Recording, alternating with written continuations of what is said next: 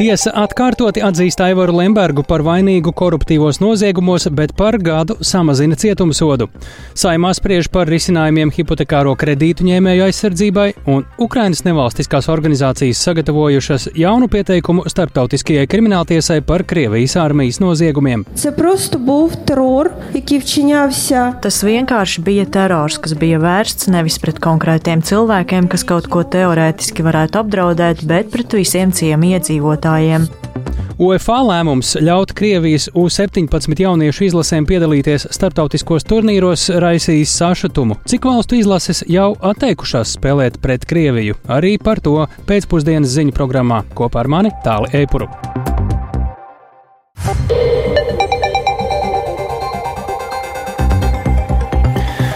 Pūkstens ir 16,5 minūtes, skan pēcpusdienas ziņu programma, skaidrojot šodienas svarīgus notikumus. Studijā tālāk Sēpurs. Labdien! Četri gadi cietumā un mantas konfiskācija. Tādu sodu koruptīvos noziegumos apsūdzētajam bijušajam Vēnspils mēram Aivaram Lembergam no partijas Latvijai un Vēnspilī apelācijas instancē šodien pasludināja Rīgas apgabaltiesa.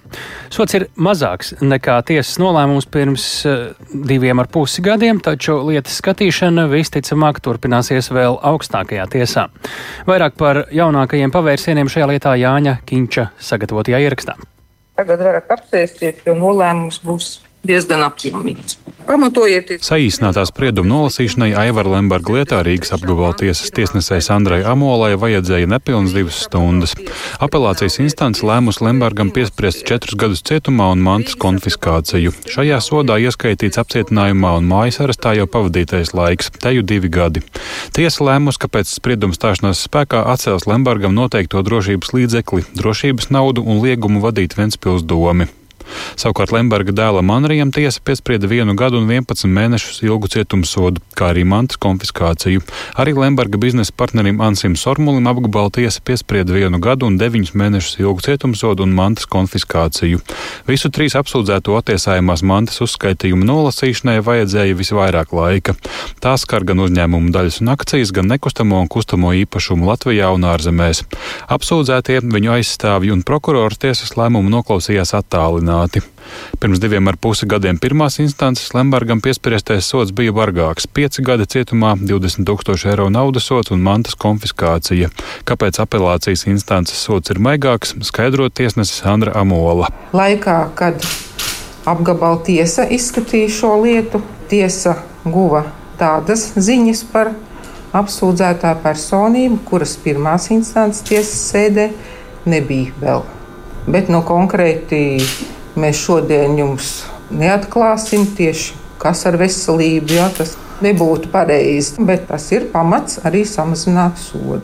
2021. gada februārī pēc pirmās instances spriedumu Lembergu apcietināja tiesas zālē un pēc apmēram gada atbrīvoja pret 100 tūkstošu eiro drošības naudu.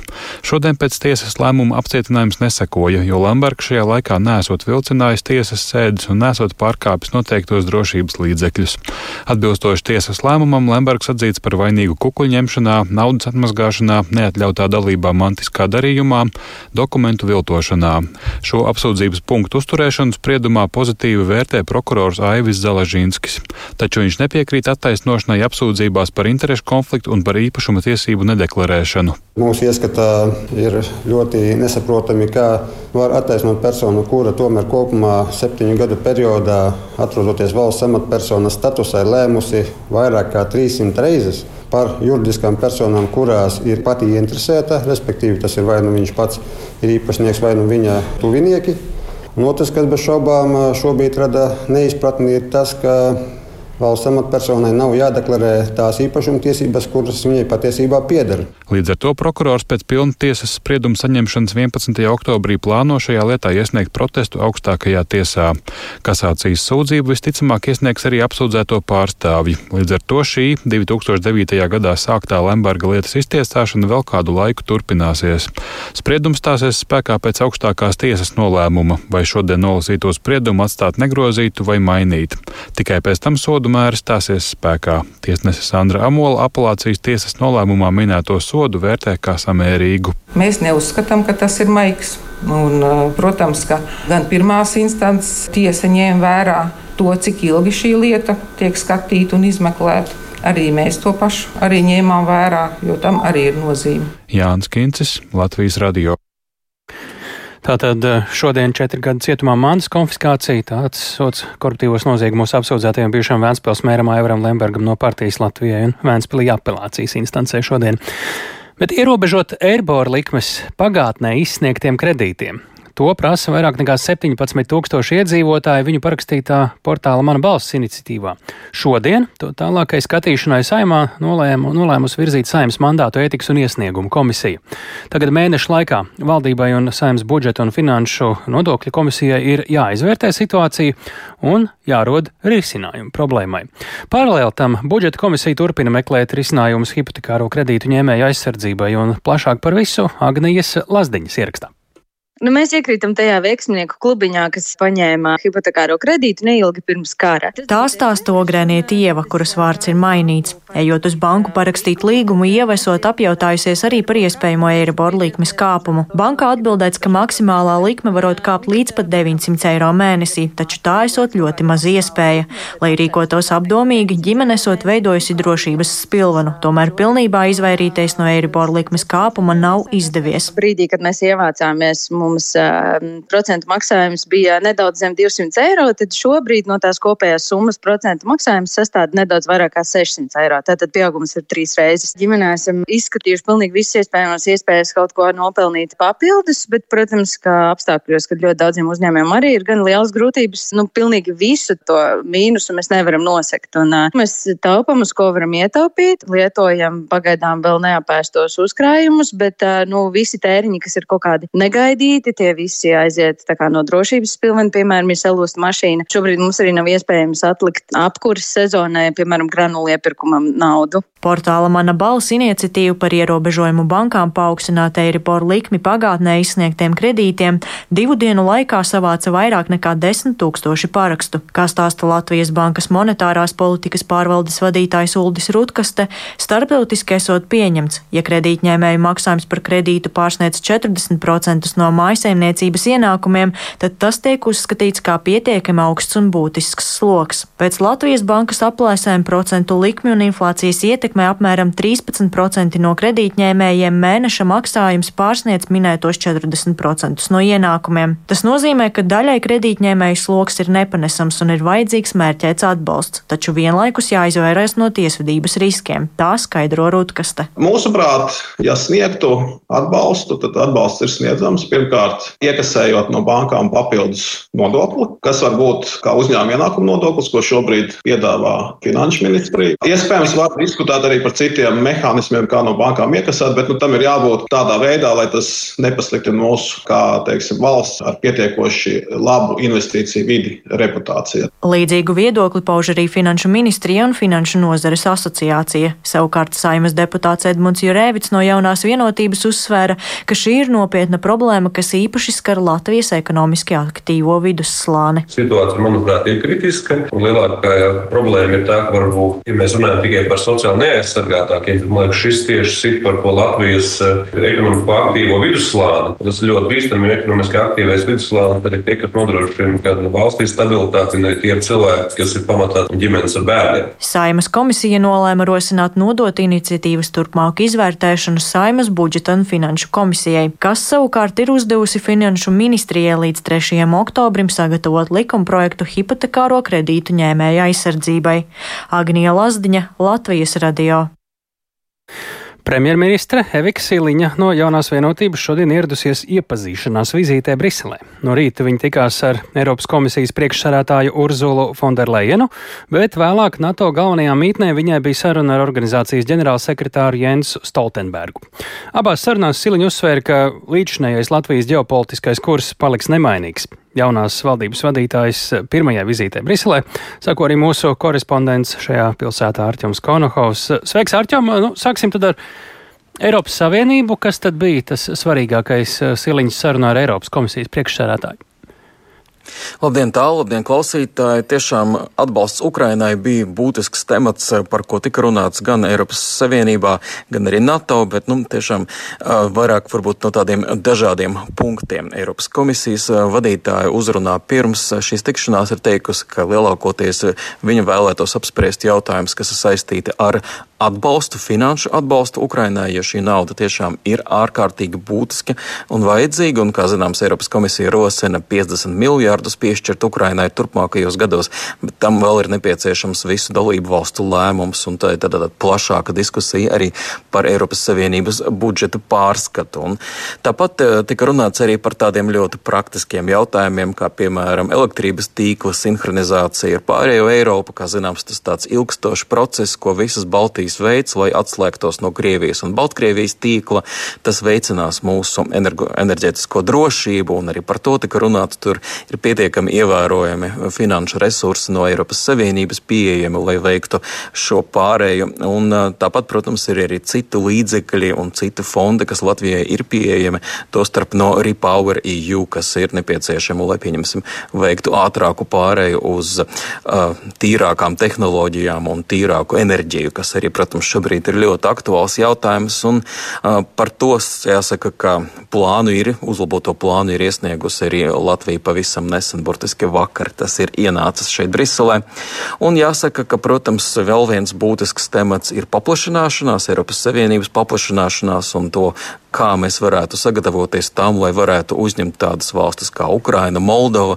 Tas ir būtiski, lai Eiropas Savienībā lēmumu pieņemšana netiktu paralizēta. Ļoti aktuāls jautājums, par ko arī Eiropas lietu ministri tieši šodien spriež Spānijā. Un, protams, vēl viens temats ir migrācija. Gan vidusjūrā, par ko daudz tiek runāts, gan arī no Baltkrievijas. Un tieši Baltkrievijas aspektam pieskārās arī Urzula Fonderleina. Paklausīsimies viņas sacītām.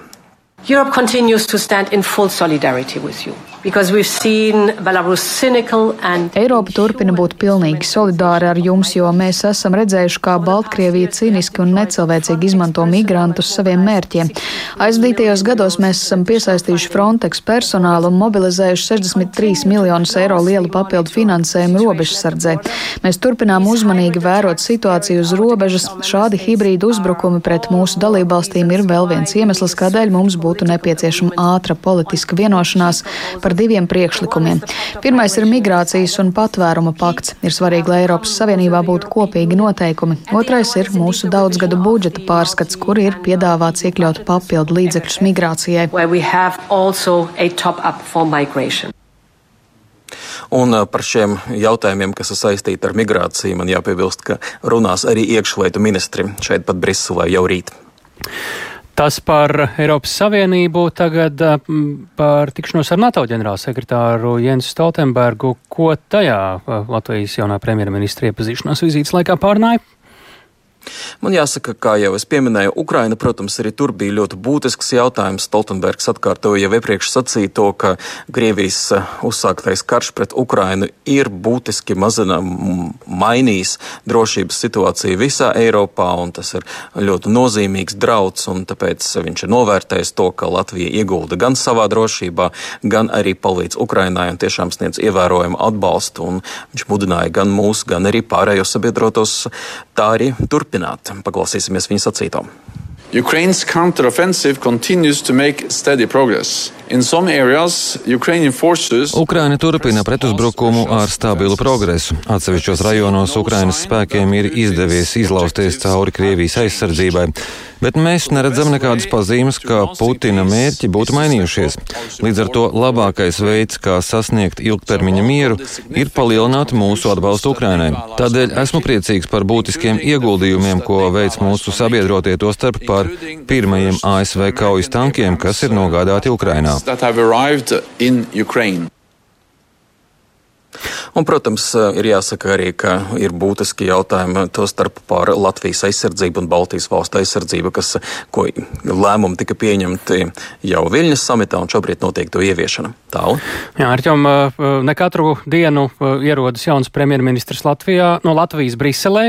Tu krietnus gadus Briselē esi vērojis nevienu vien šādu tikšanos ar Eiropas Savienības līderiem un iepazīšanos.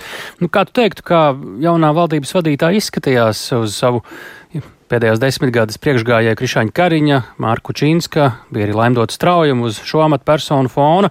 Nu, un arī, zinot eh, te pašu jaunāko kontekstu, ka, lūk, piemēram, jaunā saimnes priekšsarētāja starptautiskajā vidē saka, ka izmanto šo tulka palīdzību.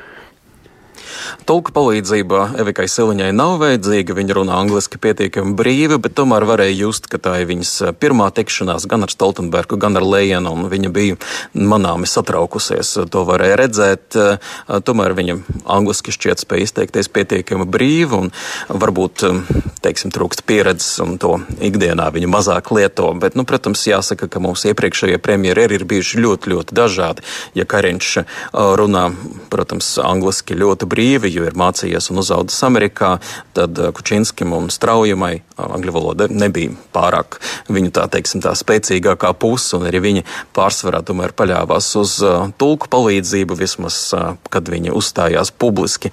Tā kā pieredze līdz šim ir bijusi dažāda, un uz šo fona es domāju, ka Evika Siliņa ir izskatījusies pietiekami labi un ir spējusi arī aiznest šīs svarīgākās, svarīgās vēstis un domas par to, ka arī viņas teiksim, politika turpināsies un būs salīdzinoši līdzīga ģeopolitiski tam, ko ir īstenojusi Krišjāņa Kariņa valdība. Paldies, Ārķams Konakovs, Latvijas radio uh, korespondents Briselē. Jau pieminējām arī Siliņas kundze sarunājās par Ukrainas tematiku gana plaši ar Briseles amatpersonām. Un Ukrainas tematika arī turpinām. Vai agresoru valsts Krievijas elitē draud jaunas starptautiskas apsūdzības? Tapis jauns pieteikums starptautiskajai krimināltiesai ar pierādījumiem par Krievijas armijas iebrukuma laikā Ukrainā pastrādātiem noziegumiem pret cilvēci. Pieteikumu sagatavojuši Ukrainas nevalstisko organizāciju kopīga iniciatīva Tribunāls Putinam. Plašāk par to mums no Kijevas ir gatava pastāstīt Latvijas radio korespondenta Ukrainā Indra Sprānce. Ar viņu šobrīd esam tieši rēdē arī sazinājušies. Lūdzu, Indra! Labdien, jā, virkne Ukrainas nevalstisko organizāciju, kas apvienojušies šajā iniciatīvā Tribunāls Putinam, turpina apkopot liecības par karu noziegumiem, ko paveikušas Krievijas armijas militāra personas Ukrainā, un šobrīd ir sagatavoti divi jauni pieteikumi ar pierādījumu kopumu, kas tiks iesniegti starptautiskajai krimināla tiesai. Jau iepriekš organizācijas bija iesniegušas pierādījumus par spīdzināšanām un arī civiliedzīvotāju slepkavībām Mariupolē tad tagad šis jaunais pierādījumu kopums tiek papildināts ar jaunām liecībām, kas šoreiz ir par mērķtiecīgām civiliedzīvotāju slepkavībām Bučā, Irpiņā un citviet Kīivas apgabalā, kā arī par nelikumīgu aizturēšanu un spīdzināšanu Harkivas apgabalā. Un, kā šodien Kīvā preses konferencē skaidroja viena no pieteikuma līdzautorēm, Harkivas cilvēktiesību aizsardzības grupas eksperte Hanna Ovdienko. Nevalstiskās organizācijas šobrīd visā Ukrainā ir piefikšas piefiksējušas liecības par vairāk nekā 800 mērķtiecīgi nogalinātiem civiliedzīvotājiem, no tiem uh, Kīivas apgabalā vispārējā iebrukuma sākumā, tātad pērn februārī un martā, kad Krievijas karaspēks atradās galvaspilsētas pievārtē, ir savāktas liecības par aptuveni 300 mērķtiecīgi nogalinātiem civiliedzīvotājiem, un kā norāda Ovdienko, viņiem izdevies piefiksēt tikai daļu no reālās ainas, jo tiesības sargu rīcībā esošā, esošajās krimināllietās figurē informācija par lielāku nogalināto skaitu. Un nevalstisko organizāciju savāktās liecības ir par to, ka Krievijas karavīri šāvuši vienkārši pa cilvēkiem, kas bija uz ielas, gāja pēc ēdiena vai kāds centās evakuēties. Vairāk upuru bijis tieši starp vīriešiem, bet arī tie esot bijuši vienkārši parasti iedzīvotāji. Viņi nekādā veidā neapdraudēja militāru personas vai viņu noziedzīgās aktivitātes tur uz vietas. Paklausīsimies fragment no Harkivas cilvēktiesība aizsardzības grupas ekspertas Hannas Avdīnko šodien sacītā. Це просто був терор, який вчинявся. Tas vienkārši bija terors, kas bija vērsts nevis pret konkrētiem cilvēkiem, kas kaut ko teorētiski varētu apdraudēt, bet pret visiem ciemiedzīvotājiem. Всього місцевого населення. Kā norādīja Dienko, visā tajā, kas šobrīd atrodas starptautiskās krimināltiesas darba kārtībā, šobrīd vismaz pagaidām nav izdalīta atsevišķa krimināllieta par mērķtiecīgu cilvēku nogalināšanu, piemēram, par tiem pašiem uh, pērn visu pasauli satriekušiem gadījumiem Bučā un Irpiņā. Mēs visi zinām par, par tām šausmām, kas nāca gaismā. Tāpēc tagad, iesniedzot šo te informāciju, Ukraiņu un nevalstiskās organizācijas cer, ka tas varētu palīdzēt kaut kā stimulēt starptautiskās krimināltiesas darbu, izmeklējot šos kara noziegumus Ukrainā. Un papildus savāktajām liecībām par tādu masveidu cilvēku nogalināšanu, iniciatīva tribunāls Putinam apkopojas arī informāciju par spīdzināšanas vietām Harkivas apgabalā. Un atgādināšu, ka tur Krievijas karaspēks uzturējās ilgāk, līdz pat pērnā gada septembra sākumam, kad Ukraiņu karaspēkam izdevās padzīt viņus. Un uh, viņu apkopotās liecības liecina par 23 spīdzināšanas vietām Harkivas. Kīvas apgabalā vien, taču spīdzinātavas identificētas arī Kīvas, Hersons un arī Zaparīžģis apgabalos. Paklausmies fragmentu no Pilsoņu brīvības centra pārstāvis Natālijas Jaščukas šodien sacītām. Žurstokīst cih katuvaņu vana neimovierna. Cietsirdība, kādā tika spīdzināta, ir neticama. Neizmantoja elektrošokus, izmantoja dināmo mašīnas, pielietoja elektrību līdz pat tādam līmenim, ka atmira nervi. Mērdēja badā bija liecības, ka cilvēku dienā pabaroja ar vienu puskarotīti džēma labākajā gadījumā. Divas, trīs dienas turēja bez ūdens. Tremāli bez vodī. Jā, un nevalstiskajām organizācijām izdevies dokumentēt gan nepastarpināti, spīdzināt piedzī, tātad, tos cilvēkus, kas ir piedzīvojuši, kas ir izgājuši cauri šīm spīdzināšanas vietām, gan arī tu, tuviniekus tiem, kas uh, izdzīvoja, spī, kas izdzīvoja spīdzināšanas, bet joprojām atrodas gūstā. Un šīs organizācijas ir saskaitījušas, ka atbilstoši vismaz viņu rīcībā esošajai informācijai šobrīd gūstā Krievijā vai tās okupētajā Ukrainas daļā daļā atrodas 4100 civiliedzīvotāji. Jā, Indra, vai šajā pieteikumā starptautiskajai krimināltiesai ir arī konkrēti uzvārdi vārmākām vai kādiem augstākiem atbildīgiem, kuri šos noziegumus vai nu pastrādājuši vai atbildīgi par to? Jā, tajā daļā, kur cilvēki ir atpazinuši pāridarītājs vai atcerējušies viņu vārdus vai pakāpes vai jebkādu citu informāciju, kas pēcāk eh, šie, šajā, šajās organizācijās esošiem cilvēkiem palīdzēja atpazīt un identificēt šos cilvēkus, tad šajos pieteikumos šie cilvēki ir arī nosaukti un norādīti. Bet tā, protams, ir daļa no visiem pārdarītājiem. Ukraiņi uzskata, ka par šiem noziegumiem ir jāatbild nevien tiešajiem izpildītājiem, kas tur bija uz vietas, kas tur paši tur spīdzināja, ar, bet, bet visai varas vertikālai, kas deva pavēles sākot no Putina un tad tālāk uz leju. Paldies, Indras Prānce, tieši no Kijavas par jaunumiem attiecībā uz jaunu pieteikumu starptautiskajai krimināltiesai ar pierādījumiem par Krievijas armijas iebrukumu Ukrainā pa, laikā pastrādātajiem noziegumiem pret cilvēci.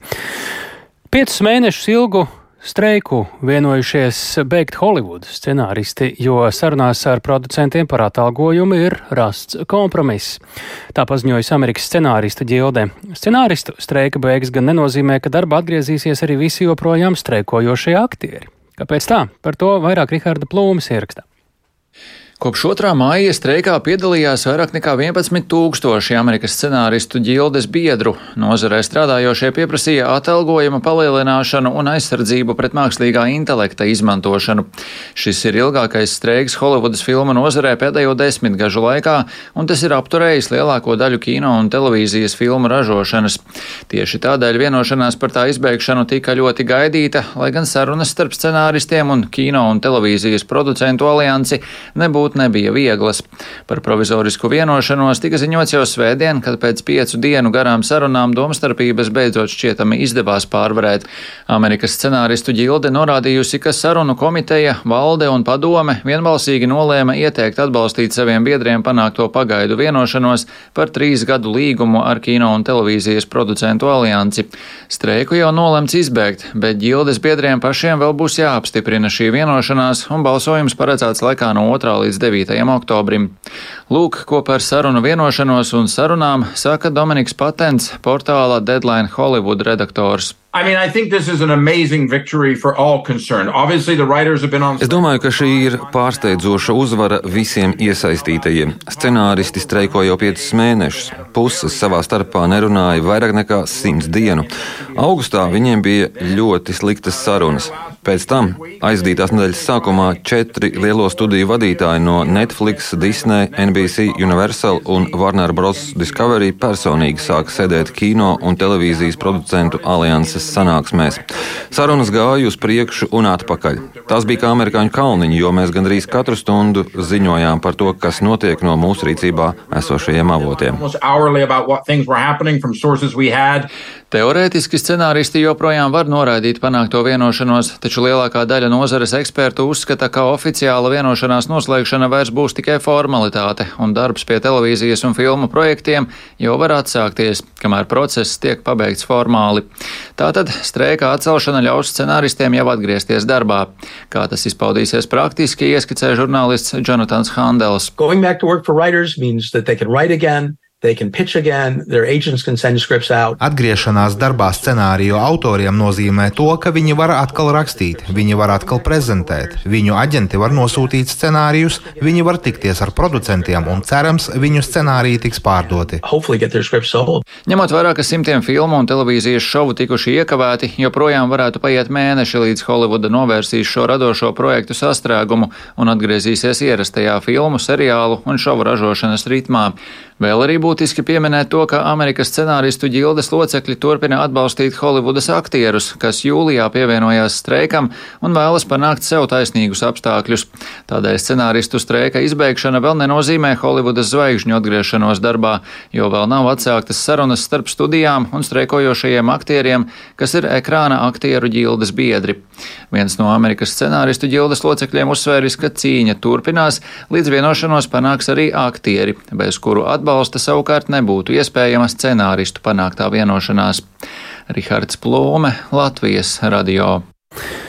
Jauns Rīgas Stradiņa universitātes studiju komplekss atklāts austrumu slimnīcas teritorijā un skandāls Eiropas futbolā. Nolemts starptautiskajā futbola apritē atļaut atgriezties Krievijas jauniešu futbola izlasēm šie un citi temati raidījumi pēcpusdienā tuvākajās minūtēs.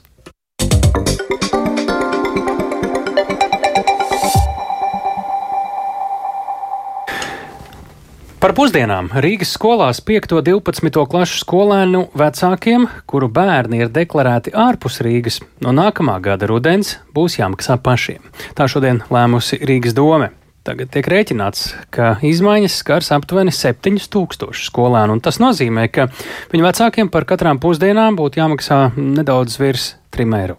Kā uz to raugās gan vecāki, gan arī vai savus Rīgas skolās ejošos bērnus atbalstīs e, pie Rīgas vai citas pašvaldības. Vairāk e, par to mums ir gatavs pastāstīt kolēģis Viktors Demīdovs. Viktor! Jā, sveicināti. Nu, tad Rīgas skolās vienas pusdienas šogad maksā 3,9 eiro. Un bez maksas tās var ēst e, visi 1. un 4. klašu skolāni, savukārt 5. un 12. klašu audzēkņi, eh, audzēkņu vecāki eh, sedz daļu no izmaksām, un neatkarīgi no tā, vai bērns ir deklarēts Rīgā vai kādā citā pašvaldībā.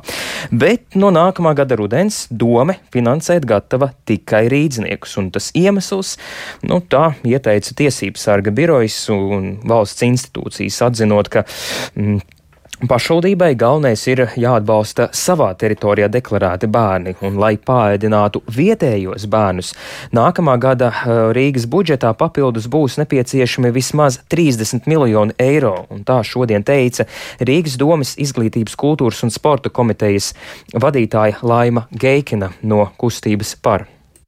Potenciāli, ja ir uh, pietiekami daudz līdzekļu, mēs varam ēdināt uh, visus rīdziniekus. Bet uh, mūsu prioritāte šobrīd ir mūsu pašu bērni. Un, protams, saistībā ar šo tie līdzekļi, kurus, kā jūs sakat, mēs varbūt ietaupīsim, mēs, protams, ieguldīsim mūsu pašu bērnos citās izteiksmēs. Tālūk, atbildīgās komitejas vadītāja Laima Geikina. Tātad nodrošinot pusdienas tikai rīzniekiem, pašvaldība lēš, ka viena mācību gada laikā ietaupīt varēs ap 190 tūkstošiem eiro. Nu, un tad deputāti šo lēmumu ir atbalstījuši, vairums deputātu jāatzīmē, bet arī izvērtās, neteikšu, ka plašas diskusijas, bet arī komentāri nu, tam nepiekrīt, respektīvi opozīcijas deputāti. Un, piemēram, frakcijas saskaņa deputāts Mihails Kamiņeckis uzskata, nu, ka šī situācija ir diskriminējoša. Tā nav normāla situācija, kad bērni, es nerunāju par to, ka, redziet, es par nabagiem tagad nerunāju, par nabagiem un bagātiem, bet kad bērns, viens bērns iesedniecē un cits bērns gaidīs tieši tāpēc, ka jūs par to nepadomājat. Jūs nepiedāvājat šādu variantu. Un jūs pat taisni diskriminējat neredzīniekus. Apmierināti nav arī vecāku organizācijām Mamām un Tētiem, un biedrības vadītāja Inga Akmentiņa Smildziņa kā negatīvo faktu norāda, ka Latvijā katra pašvaldība rīkojas pa savam, nu kādā bērniem pusdienas finansē, bet arī kādā ne, un tad lūdzu paklausīsimies viņas teikto. Ēdinātāji, kas nodrošina šo pakalpojumu, viņiem ir ļoti, ļoti sarežģīti skatīties uz šo ēdināšanu ilgtermiņā. Un ko tas nozīmē? Vecāki mēdz sūdzēties, ka ir nu, slikta, vienveidīga vēl kaut kāda ēdienkarta vai ka piemēram, nenotiek tāds, nu, tā, tas bufetes princips. Ēdinātājs to var nodrošināt tikai tad, ja viņš droši zina, ka šis pakalpojums no pašvaldības tiks pasūtīts, ka viņi var iegādāties atbilstīgas iekārtas, var nu, vispār ieguldīties šajā jomā, ja, lai to attīstītu. Jā, un tad es arī vērsos uh, pie, piemēram, Ķekavas novada, kur aptuveni uh, mācās 1100 bērnu citā pašvaldībā. Respektīvi, uh, Ķekavas novads ir diezgan liels. Ķekavā mācās citur. Jā, tieši tā, un vairums no šiem 1100 mācās Rīgā, un no šiem aptuveni 1100 bērniem 350, 5, 12 klašu bērni, kuri nāk no daudz bērnu ģimenēm un kuriem ir invaliditāte, pašvaldība pusdienas līdzfinansē. Arī citā pašvaldībā. Arī citā mhm. pašvaldībā, jā, un tādi ir apmēram 350. Un, uh, vai kārtība varētu attiekties uz visiem? No tad pašvaldības novada vadītājs Juris Žilko no partijas izaugsme ir skeptisks. Viņas saprot un tā īsti pārmest nevar, jo notiek šie savstarpēji norēķini arī par eh, izglītojumu, izglītošanu. Tā kā es redzu, ka, diemžēl, pie šīs situācijas mēs šobrīd nonākuši esam dēļ šīs sadārdzinājuma, tāpēc es tā īsti pārmest kolēģiem nevarēšu. Nu, un jāatzīmē, ka šī kārtība nemainīsies Latvijas goda ģimenēm, kurās aug vismaz trīs bērni. Tātad neatkarīgi no tā, kādā pašvaldībā viņi ir deklarēti, Rīgā viņi arī, turpmāk viņam šī kārtība nemainīsies. Šodienas domas lēmumu tad vēl arī skatīs vides aizsardzības un reģionālās attīstības ministrijā, tā teica domē. Tas tātad attiecas uz laiku no nākamā gada rudens, Precīzi. tas nav par Jā. šo brīdi. Uh, paldies Viktoram Demidovam tik tālu par bērnu ēdināšanu pašvaldībās, bet Austrums slimnīcas teritorijā ir atklāts Rīgas Strādiņu universitātes studiju komplekss. Tajā būs 23 dažāda pielietojuma un apmācību, apjoma mācību simulāciju telpas ar ietilpību no 15 līdz pat 280 studentiem katrā. Ikdienā kopumā plānots uzņemt ap 400 studentu vienlaikus. Šāds studiju komplekss ir izmaksājis 3,3 miljonus eiro. Nu, un komplekss svinīgā atklāšana šodien jau ir notikusi stacionārā Gaļazars, un pie mūsu klausulas ir Rīgas Stradiņa universitātes rektors Aigars Petersons. Labdien! Labdien! Apsveicam, tas ir ļoti svarīgs pavērsiens izglītības procesā jūsu augstskolā un iespējams vispār Latvijas veselības aprūpē. Kā jūs teiktu, kas šodien ir atklāts? Tas ir tāds pamatīgs pavērsiens augstskolai un Latvijas veselības aprūpē, vai e, tās ir vienkārši dažas ļoti vajadzīgas mācību telpas klausītājiem, kur nesko līdzi raksturojiet, lūdzu? Jā, šodien ir svētku diena Rīgas Stradiņa universitātes dzīvē jo mēs realizējam ļoti modernas studiju programmas. Un, protams, tās lielākās un nozīmīgākās ir veselības aprūpe, medicīna, zobārstniecība. Un kā jau jūs arī saprotat, ja, faktiski modernas studiju programmas tas nozīmē pirmkārt tuvināšanos veselības aprūpes sistēmai, lai studējošie iegūtu ne tikai teorētiskās zināšanas, bet arī nu, šīs kompetences, prasmes, diagnosticēt, ārstēt, un, protams, arī modernā izglītība paredz simulāciju tehnoloģijas, dažāda līmeņa inovācijas, kas ir vērstas. Līdz šim tas nebija. Šis ir kaut kas būtiski pārmainīts, kā bija līdz šim. Jā, protams, protams, jo faktiski līdz šim mums, protams, bija mācību telpas gan uh, Rīgas Austrumu Kliniskajā universitātes slimnīcā, gan citās, gan uh, universitāšu, gan reģionālās slimnīcās. Bet šis ir pirmais kompaktais, tāds ļoti augsta līmeņa, moderns izglītības centrs, kur ir gan šīs simulācija telpas ar, ar nodrošinājumu, kur varēs, piemēram, iziet arī šo te Nu, tālāk izglītība vai mūža izglītība arī slimnīcā strādājošais personāls, māsas un ārsta palīgi un ārsti, kā arī rezidenti. Es domāju, ka tas ir jauns pavērsiens. Jo, mhm. protams, Labi. ka universitāšu slimnīcu šajā misijā ir ne tikai ārstēt, bet arī apmācīt, arī pētniecības elementi, arī šīs inovācijas. Un es domāju, šis ir viens no pirmajiem praktiskajiem soļiem. Jā, Tātad vēl daži ātrie jautājumi. Mums vienkārši laiks skrien uz priekšu. Daudz tajā Jā. pusē nav bijuši. Tas ir kas no jauna uzbūvēts vai esošajās austrums slimnīcas gaļas ar telpās? Jā, tas ir tāds uh, faktiski korpus, kurš tika nodots pirms septiņiem gadiem mūsu nu, rīcībā, Jā. kur mēs arī labi iekārtojām, un, un, protams, notika arī kapitālā būvniecība.